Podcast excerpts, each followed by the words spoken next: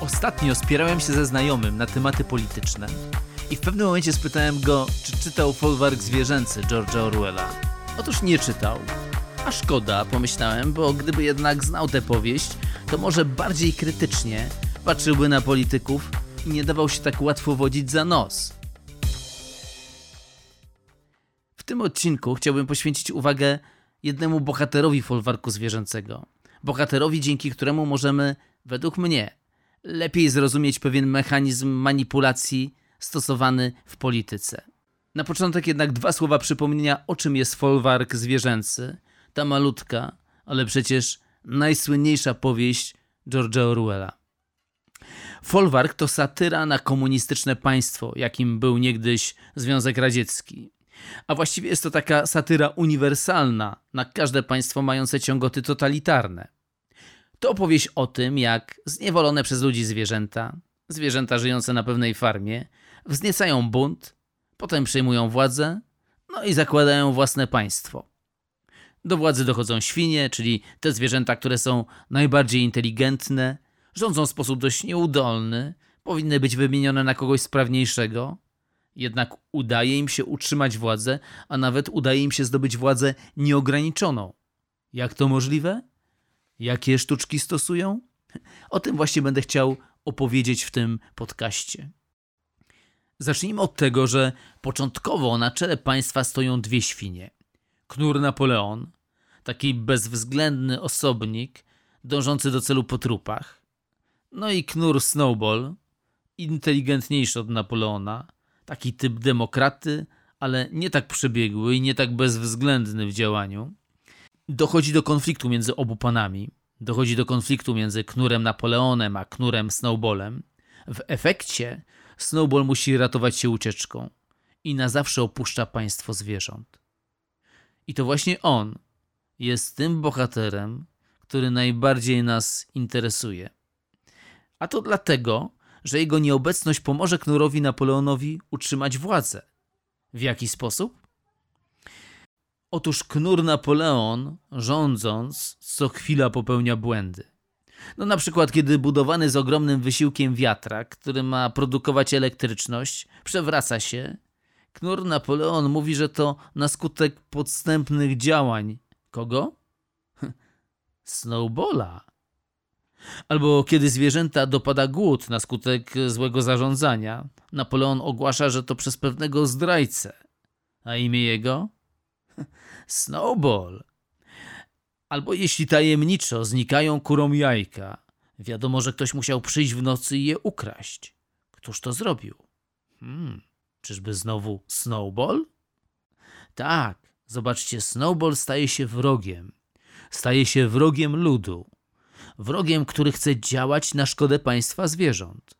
Wróg ludu w ogóle jest kimś, kto nam ma zagrażać, kimś, kogo powinniśmy się bać, kimś, kogo powinniśmy nienawidzieć.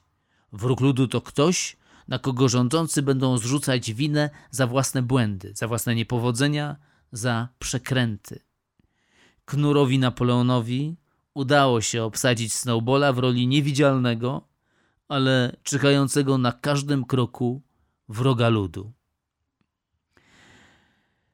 No dobrze, słuchajcie, postać Snowballa znajduje kontynuację w jeszcze innej, znakomitej zresztą powieści George'a Orwella, powieści pod tytułem Rok 1984.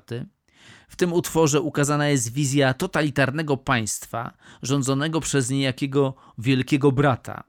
Jest to państwo, w którym wielki brat rządzi jednoosobowo, ma władzę absolutną, ma władzę nieograniczoną, ma władzę totalną. To państwo, w którym również próbuje się kanalizować społeczne negatywne emocje w jednym kierunku.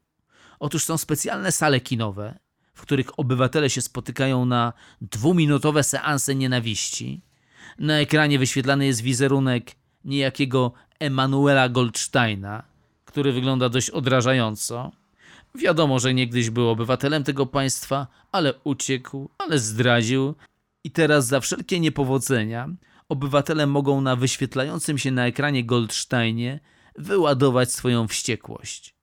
Więc przez dwie minuty ryczą z nienawiści, rzucają przedmiotami w stronę ekranu.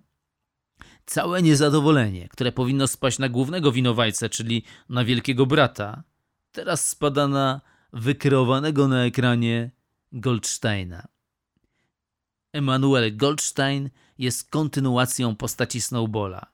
Jest kolejną wersją wroga ludu. Jeśli przyglądając się współczesnej polityce dostrzegacie ten mechanizm manipulacji, jakim jest kreowanie wroga ludu, no to już wiecie, kto ten mechanizm najlepiej literacko opisał. Na koniec dodam jeszcze, że pojęcie wróg ludu pojawiło się po raz pierwszy w czasach rewolucji francuskiej pod koniec XVIII wieku, a więc nie wymyślił go George Orwell. Podczas rewolucji ten, kto się jej sprzeciwiał, był nazywany właśnie wrogiem ludu. W ten sposób łatwo go było zdyskredytować, a nawet doprowadzić do jego likwidacji. Wrogowie ludu podczas rewolucji francuskiej często kończyli na gilotynie. I tak już zupełnie na koniec, słuchajcie, jeśli poczujemy, że ulegamy nienawiści do jakiejś postaci publicznej, albo do jakiejś grupy społecznej, na przykład do mniejszości etnicznej, do mniejszości seksualnej, albo do jakiejś grupy zawodowej, to zadajmy sobie pytanie, czy nie uczestniczymy przypadkiem w jakimś seansie nienawiści. Seansie inspirowanym przez speców od propagandy, którzy kreują kolejnego wroga ludu z nadzieją, że może ciemny lud to kupi. To tyle na dzisiaj. Kanał nazywa się Dzikie Lektury. Ja nazywam się Staszek Dudka. Mam jeszcze prośbę. Zasubskrybuj mój kanał, zalajkuj odcinek lub na Spotify'u zaobserwuj i wystaw ocenę. Bardzo mi to pomoże w rozwoju kanału. Dziękuję i do usłyszenia.